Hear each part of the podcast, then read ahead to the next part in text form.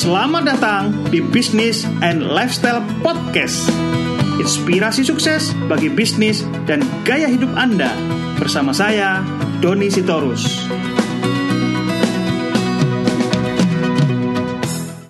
Hai, halo rekan-rekan semua. Salam jumpa kembali bersama saya Doni Sitorus di Bisnis and Lifestyle Podcast.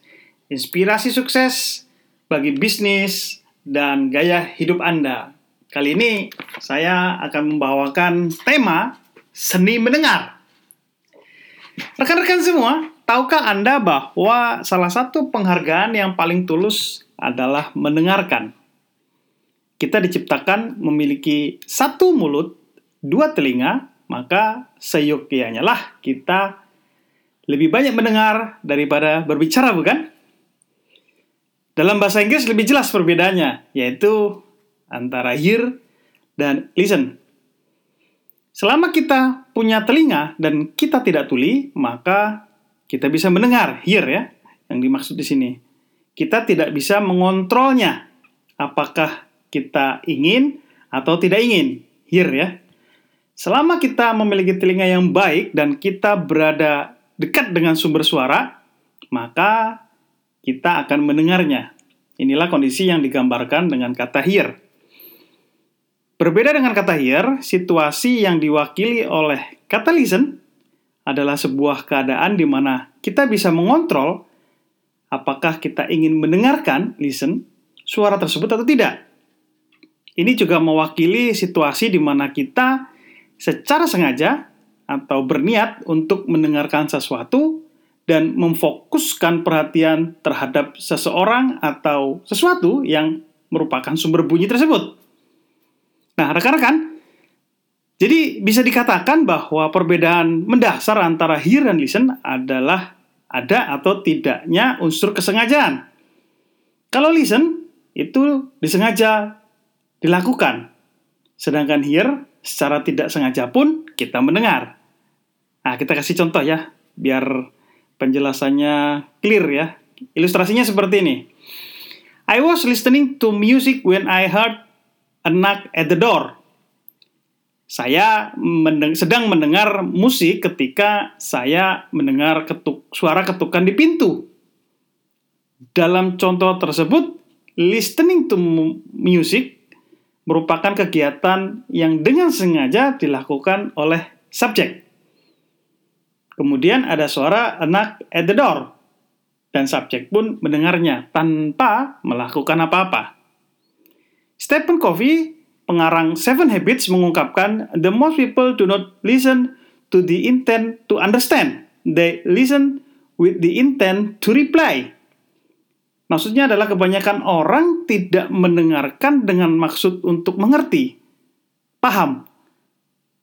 Mereka mendengarkan dengan maksud untuk membalas atau menjawab.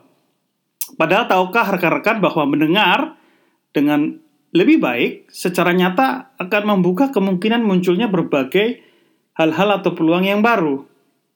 Dale Carnegie, pakar berpikir positif, mengatakan Anda bisa menciptakan lebih banyak teman baru dalam dua bulan dengan menumbuhkan rasa tertarik dan keinginan mendengar dari mereka, ketimbang berusaha keras selama dua tahun untuk mencoba menarik perhatian orang lain.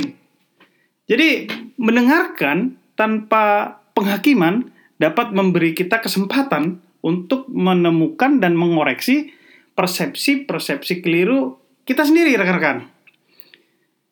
Kita biarkan orang lain menyampaikan apa pun yang ada di dalam pikirannya, contohnya. Kita mendorong untuk menumpahkan seluruh unek-unek dia, misalnya. Dan kita tidak menginterupsi. Ini dia. Atau mencoba mengkoreksinya pada saat itu. Dan orang itu akan akan senang nyaman ya ketika ada yang mendengarkan. Nah di dalam pelatihan live coaching diajarkan tingkatan-tingkatan dalam mendengar. Tingkatan yang paling dasar adalah cosmetic listening jadi cosmetic listening ya.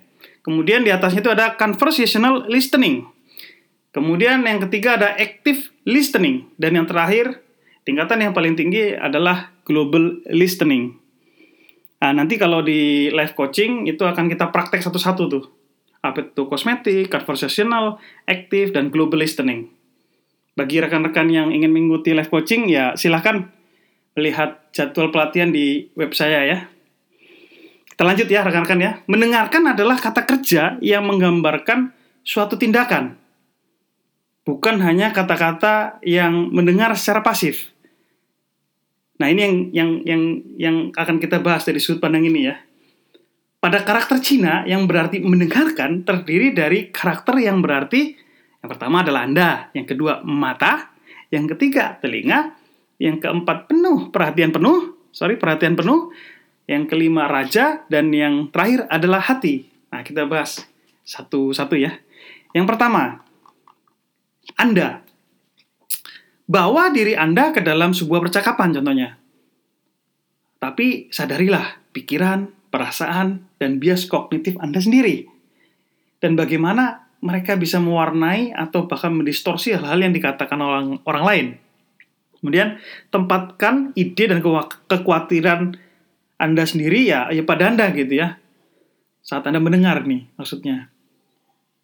Kemudian, bermaksud untuk berpikiran terbuka, jadi netral. Jadi ketika Anda mendengar, itu tidak menghakimi rekan-rekan. Nah, itulah yang dimaksud dengan yang pertama Anda. Ya, jadi Anda berpikiran terbuka, netral, dan tidak menghakimi. Kemudian yang kedua adalah mata. Ini yang menarik. Mendengarkan dengan mata Anda. Selalu mempertimbangkan komunikasi nonverbal. Jadi yang perlu dilakukan adalah amati. Ya, amati apanya? Perubahan postur tubuh, gerakan tangan, ekspresi wajah. Kemudian ada kontak mata. Di sana ada kegelisahan atau ketegangan Kemudian apakah isyarat nonverbal sesuai dengan kata-kata yang diucapkan? Kalau di Neuro Linguistic Programming atau NLP, ada yang namanya sensory acuity atau gerakan bola mata. Kemudian yang ketiga adalah telinga. Dengarkan dengan telinga Anda, tidak hanya untuk apa yang dikatakan, rekan-rekan ya, tapi juga untuk apa yang tidak dikatakan. Dengarkan di luar kata-kata. Dengarkan arti di balik kata-kata yang diucapkan. Nah, ini penting. Apa yang Anda perhatikan tentang bagaimana sesuatu dikatakan? Nada suaranya, kecepatan, intonasi, dan volumenya. Itu ya, itu yang ketiga. Kemudian yang keempat adalah perhatian penuh. Berniat sepenuhnya terlibat di seluruh percakapan, holistik. Jangan biarkan diri Anda terganggu anda dapat mempersiapkan ini dengan mengambil waktu sejenak untuk fokus gitu ya. Kalau perlu eh, matikan ponsel atau silent HP Anda dan tutup pintu sebelum memulai percakapan. Kalau itu dilakukan di sebuah ruangan namanya ya. Kemudian bereksperimenlah dengan hal-hal yang berbeda dan temukan pola yang sesuai untuk Anda, senyaman Anda mendengarkan. Kemudian yang kelima adalah raja. Jadi dengarkan seolah-olah orang lain itu adalah raja. ini seru nih ya. Jadi kalau dengerin raja itu kan harus hormat, bermartabat, respect gitu ya. Bersikap sopan, ya, jangan menginterupsi dan biarkan keheningan terjadi. Nah, biasanya kalau diam itu artinya orang tersebut sedang mengeksplorasi pikiran dan perasaannya sebelum memasukkan ke dalam kata-kata.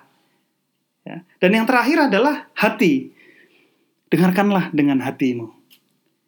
Tunjukkan minat yang otentik gitu ya pada pesan dan perasaan lawan bicara Anda. Anda dapat melakukan ini dengan membuat kontak mata yang sesuai, mencocokkan dan mencerminkan isyarat nonverbal, seperti bahasa tubuh, nada bicara, secara aktif menjangkau dan menanyakan atau bahasa mudahnya mengklarifikasi dengan pertanyaan-pertanyaan terbuka atau pertanyaan-pertanyaan yang menurut Anda penting gitu ya, poin-poin penting dalam percakapan tersebut. Nah, rekan-rekan, oleh karenanya mendengarkan secara seksama dapat mengurangi penderitaan orang lain dan membuatnya merasa jauh lebih ringan, lega, plong gitu ya. Nah, pertanyaannya adalah apa saja yang sudah Anda dengarkan sepanjang hari ini. Untuk rekan-rekan, selamat belajar untuk mendengarkan. Demikian podcast kali ini dari saya Doni Sitorus. Salam waras gembira. Terima kasih Anda telah mendengarkan Bisnis and Lifestyle Podcast. Inspirasi sukses bagi bisnis dan gaya hidup Anda. Bila ada pertanyaan, silahkan menghubungi email dan nomor kontak yang ada di kolom deskripsi. Untuk dapat mengikuti podcast-podcast yang menginspirasi selanjutnya, silahkan tekan tombol subscribe. Dari saya, Doni Sitorus, salam waras, gembira.